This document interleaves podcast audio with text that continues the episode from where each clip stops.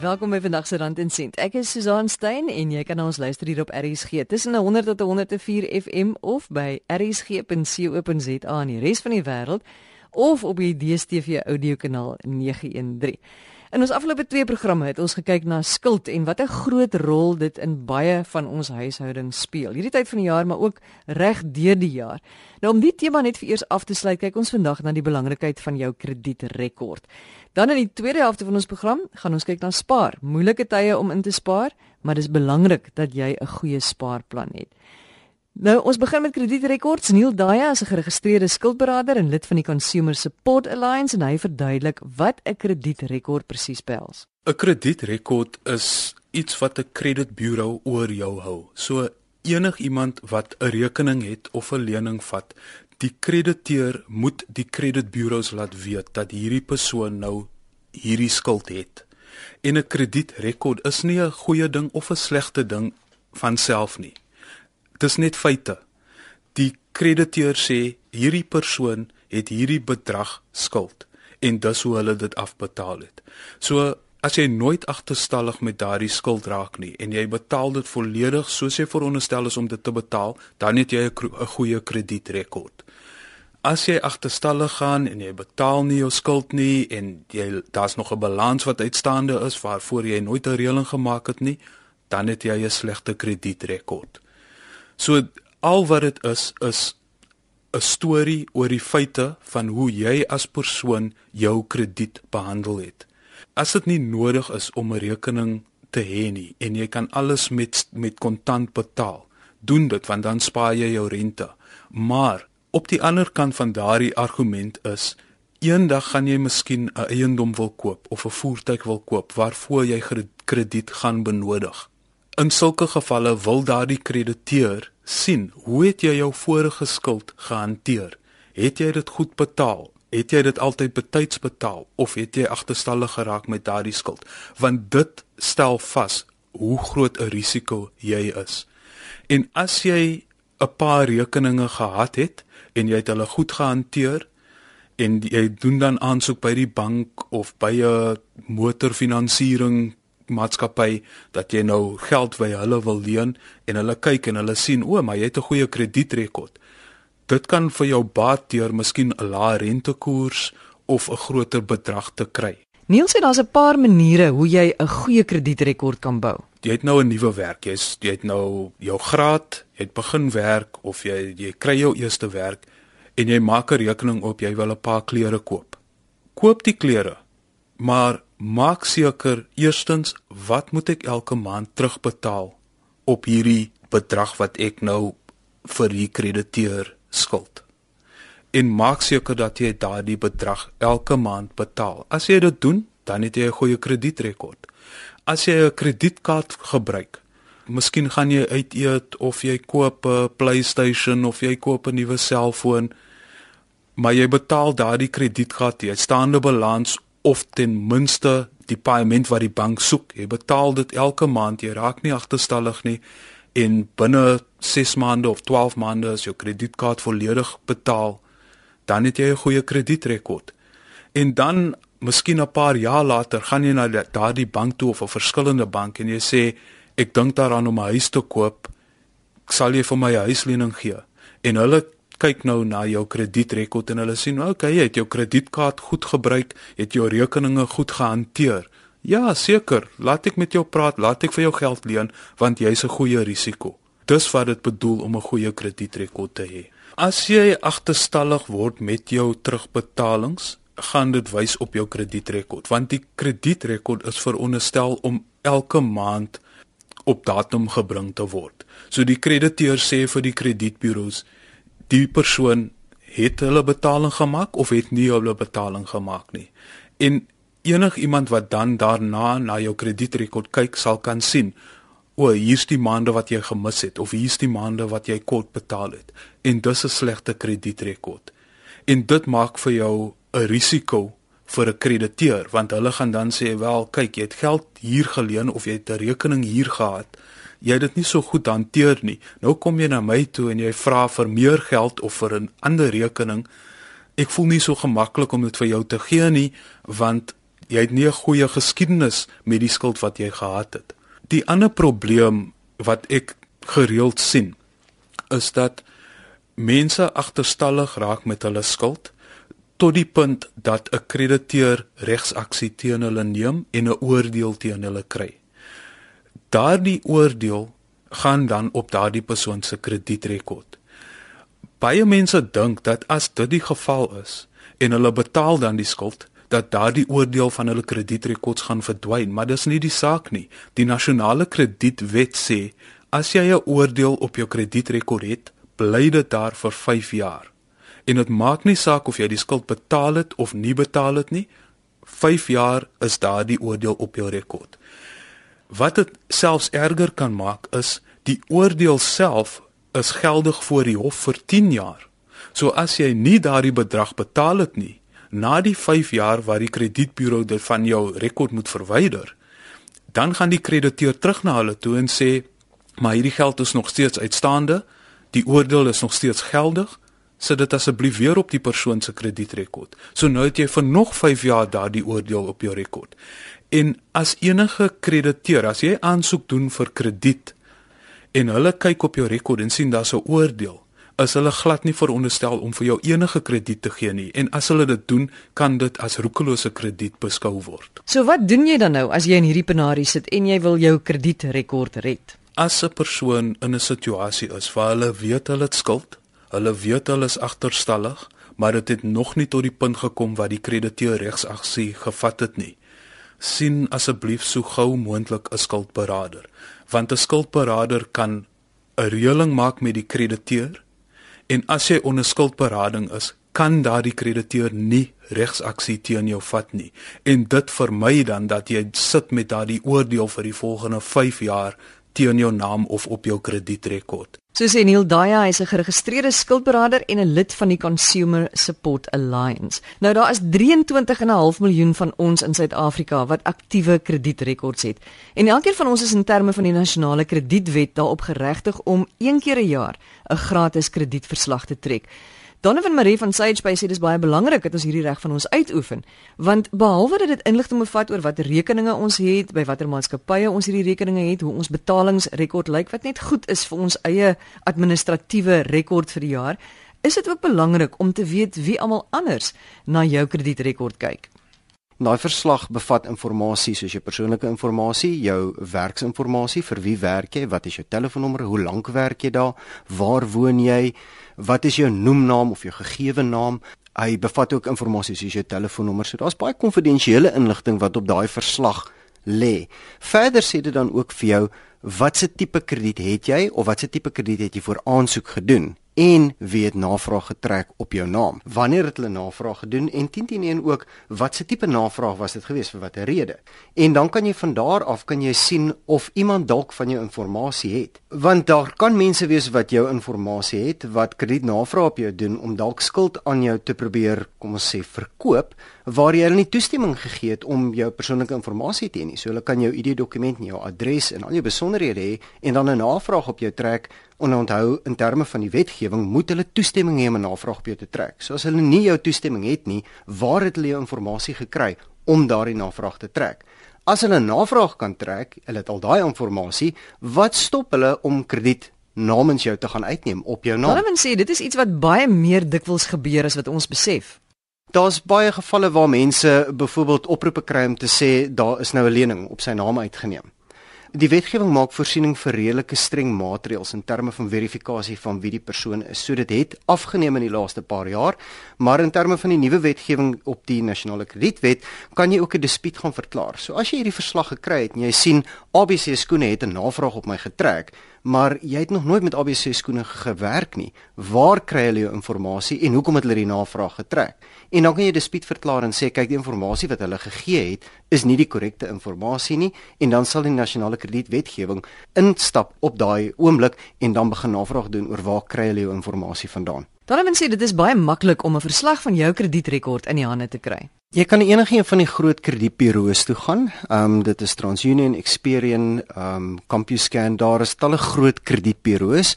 Jy kan net op Google ingaan en sê free credit report. Dit sal dan ook vir jou verslag gee wat jy daai inligting kan kry.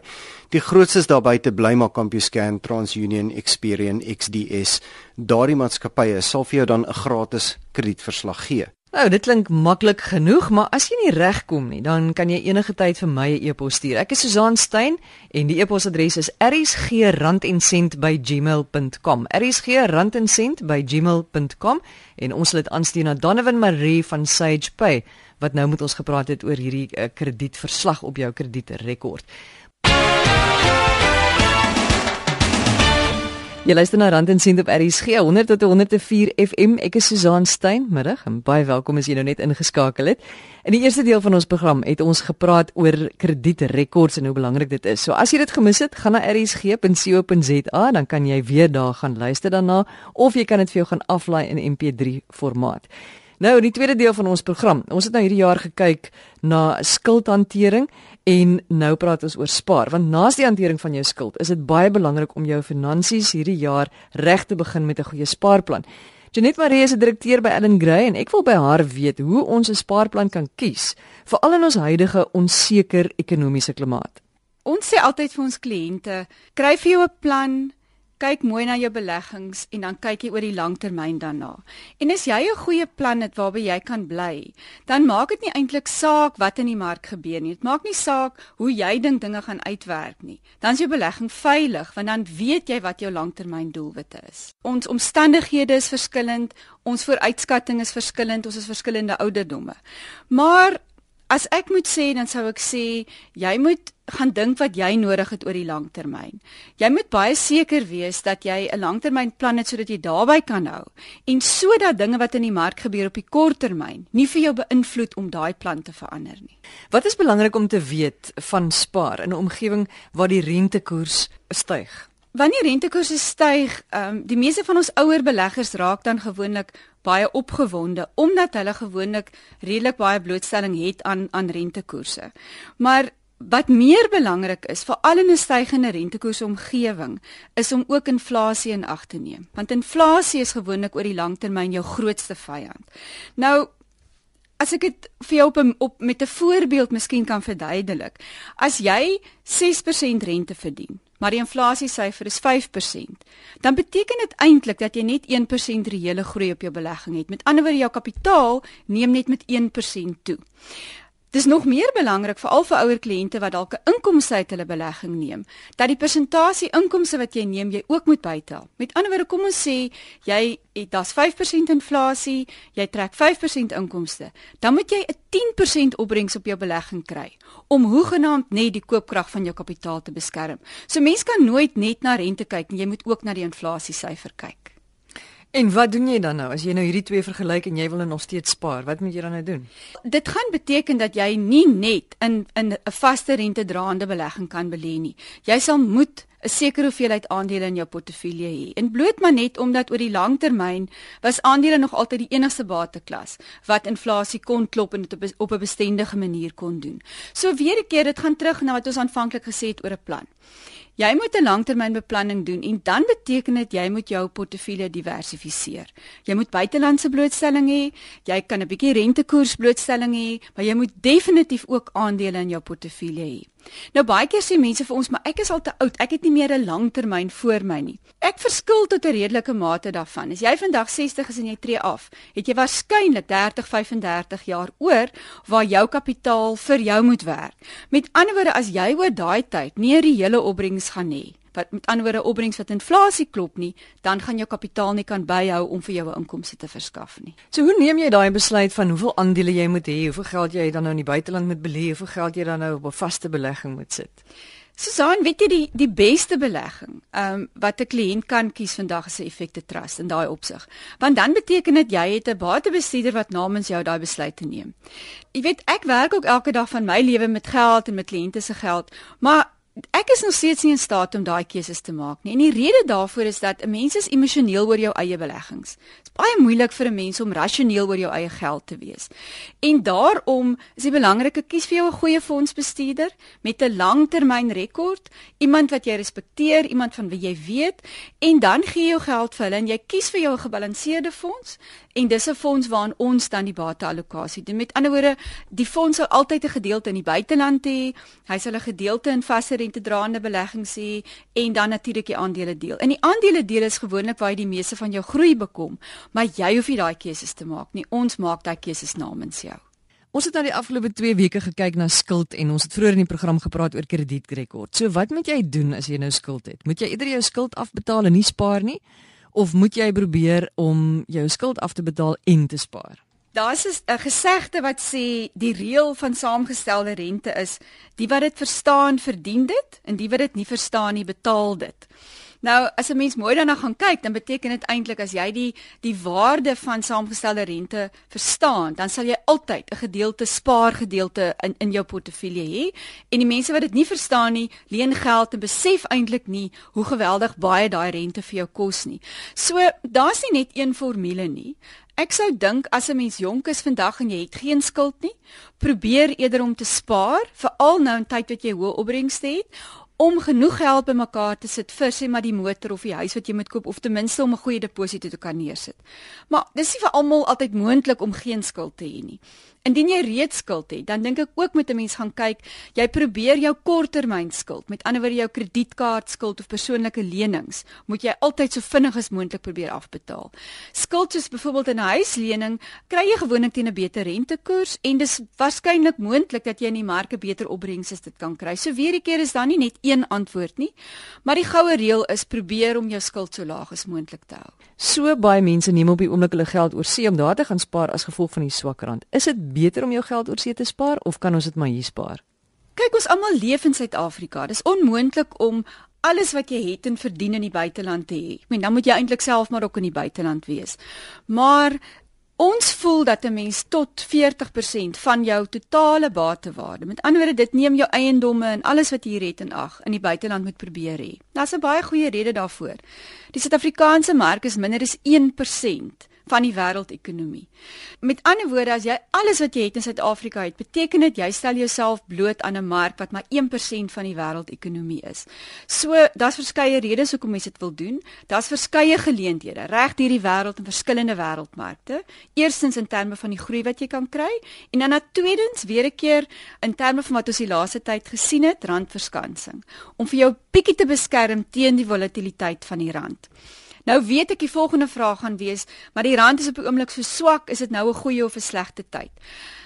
Ek wil amper sê daar's nooit 'n goeie of slegte tyd nie, want as jy gaan wag vir die rand om op 'n sekere vlak te wees, kan hy die teenoorgestelde doen en jy kan vir altyd wag en jy kan vir altyd jouself weghou daarvan om die geleentheid te kan benut.